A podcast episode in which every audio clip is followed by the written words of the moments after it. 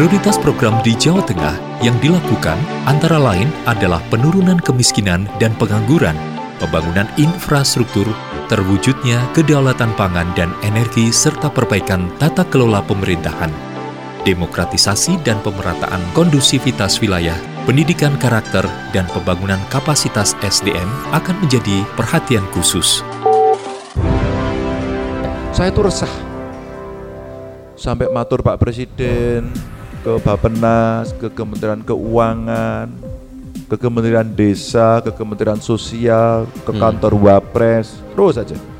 Karena kok tendangan kita sudah kayak gini belum signifikan gitu loh mas. Ya. Ada apa ini? Daripada saya nyalain orang, lebih baik tanggung jawab saya ambil tuh. Kita coba sharing, bahkan Pak Wak, Pak Wagub itu sampai menjelang tahun baru itu masih berkeliling, roadshow beliau ke kabupaten-kabupaten yang angka kemiskinannya tinggi Hmm. untuk membangun komitmen bersama, tentu saja dari pemerintah, tokoh masyarakat, tokoh agama begitu ya, untuk menyelesaikan persoalan ini. Tapi kita senang artinya sekarang lagi-lagi kepedulian masyarakat tinggi sekali.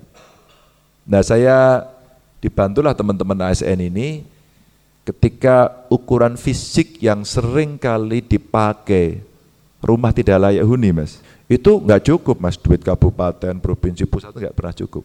Nah terus hari pirang tahun. Di Jawa Tengah aja kurang lebih ada 1,6 juta, kurang lebih ya, 1,6 juta rumah tidak layak huni.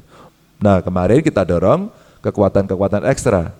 Dari CSR kita masukkan, Ya. dari orang yang filantropis ingin memberikan sumbangan kita masukkan, dari basnasnya teman-teman ini menyelesaikan persoalan-persoalan itu dengan cepat sehingga bisa responsif pada persoalan itu. Tapi saya memang mendorong mereka nggak cukup diberikan secara charity, karitatif di KI-nya tak KI, wis kono do kerja bakti.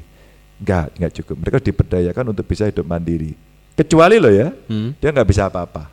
Dia nggak Oh. bisa apa-apa nun jauh mama, dia punya sakit yang parah sendirian nggak bisa bergerak. Maka kita di Pemprov menganggarkan kartu Jateng Sejahtera KJS.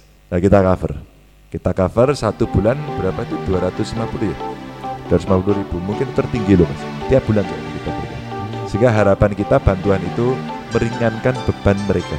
Di samping mereka tentu mendapatkan keluarga harapan, dia mendapatkan beras sejahtera, dia mendapatkan uh, kartu Indonesia sehat dan sebagainya. Tapi Iya. kita coba bantu untuk mendukung hal-hal yang sifatnya apa ya kebutuhan pokok lah gitu. ya. Ada pertanyaan, kenapa menjelang Pilkada Jawa Tengah kok anteng-anteng saja?